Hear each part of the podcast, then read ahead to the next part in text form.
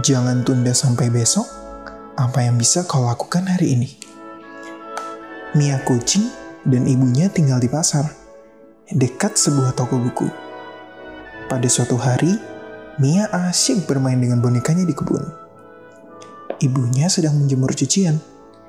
Kebetulan, ibu menoleh ke toko buku dan berkata, Mia, sebaiknya sekarang saja kau ke toko buku dan membeli buku-buku sekolahmu.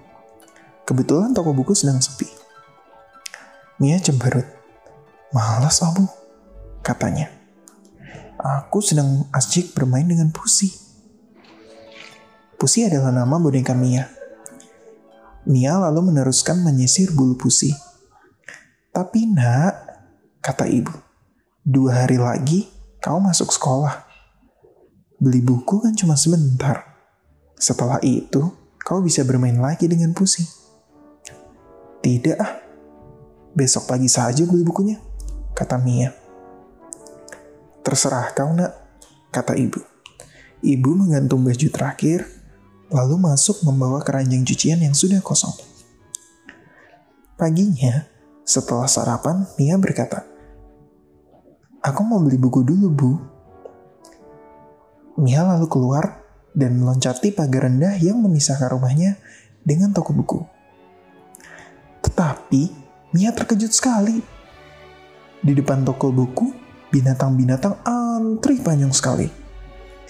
Seperti Mia, mereka juga menunda membeli buku sekolah sampai saat terakhir. Oh, oh, oh, bah. Panjang benar antriannya. Paling baru sejam lagi giliranku. Mending aku pulang dulu. Nanti pasti sudah sepi. Kasihan Mia. Karena ketika pukul 11 dia kembali, antriannya sudah dua kali panjangnya. Dan pukul 3 sore, antriannya sudah bertambah panjang lagi. Tetapi kali ini Mia tak bisa menunda lagi Terpaksa dia ikut antri. Sialnya, Mia berdiri di antara dua ekor anjing yang tak henti-hentinya menggodanya. Lama sekali baru giliran Mia tiba. Ah, seandainya saja kemarin aku beli buku, pikir kucing kecil ini.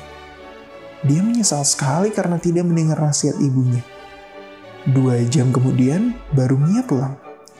Dia lelah sekali sehingga dia tak ingin lagi bermain dengan pusi.